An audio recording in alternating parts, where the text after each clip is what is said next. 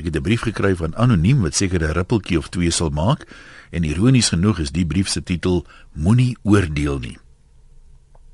Mense spot gereeld met die lesers van sekere publikasies, die luisteraars na sekere radiostasies en die aanhangers van sekere kunstenaars. As daar een ding is wat min mense kan klein kry, is dat daar wragtig mense is wat van ander goed hou as jy of die vermeetheid het om anders te dink as jy. Ek probeer dit respekteer, maar ek sukkel ook. Daar is tog sekere goed waarvoor daar verskillende opinies moontlik is. Daar's byvoorbeeld baie motivering vir moedertaalonderrig. Tog kon ek nog nooit 'n Afrikaanssprekende kry wat spyt was hy was in 'n Engelse hoërskool nie. En dan sê mense soms goed wat op die oor af baie edel en vroom klink, maar as jy dit nou prakties en konsekwent probeer toepas, verstaan jy nie wat dit eintlik beteken nie. En as jy hulle uitvra, dan blyk dit hulle verstaan ook nie. So sien ek op die voorblad van 'n gesinstydskrif wat 'n leser sê net God kan vir Oscar oordeel. Nou, wat bedoel hulle daarmee? Verwys hulle na die hiernamaals waar ons almal voor God se regterstoel moet verantwoording doen?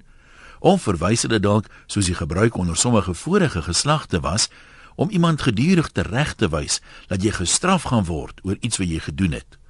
Siekte, motorongeluk of 'n finansiële verlies word dan nou dikwels voorgehou as God se aardse straf. En as net God dan vir Oscar kan oordeel, hoekom het ons 'n strafregstelsel?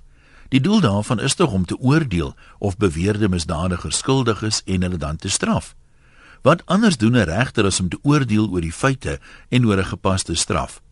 As ons dan nie mag oordeel nie, hoekom wil so baie mense wat sê ons mag nie oordeel nie, dan die doodstraf terugbring?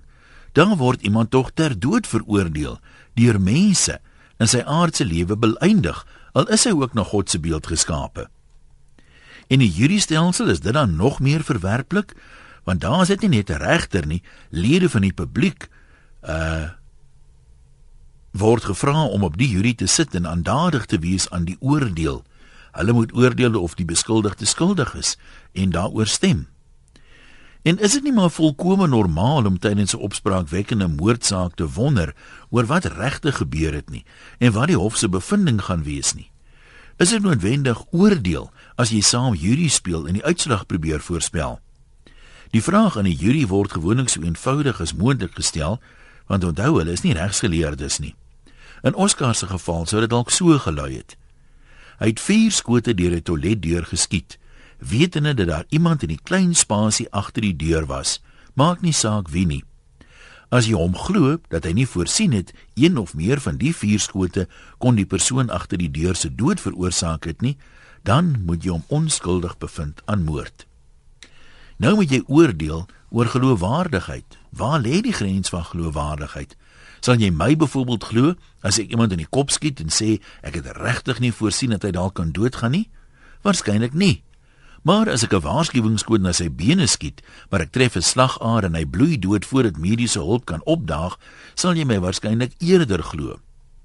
Nou volgens die tydskrif se agbare lesers, speel jy egter nou God as jy so op die jury beslis. My probleem met opinies soos hierdie is nie die opinie self nie, maar hoe inkonsekwent mense hulle eie opinies op hulle self en hulle eie lewe toepas. Het jy byvoorbeeld al ooit gehoor dat enige iemand sê ons moenie die plaasmoordenaars oordeel nie, net God kan dit doen? Wel, ek het nog nooit. Nou is my vraag, as jy dan glo God is in beheer, hoekom vertrou jy hom net soms? As jy dit konsekwent glo, moet jy dit mos konsekwent toepas. Selfs al is die slagoffer dalk 'n geliefde van jou, dan moet jy steeds nie die moordenaar oordeel nie, of hoe? Ek vra maar net. Groete van oor tot oor. Anoniem.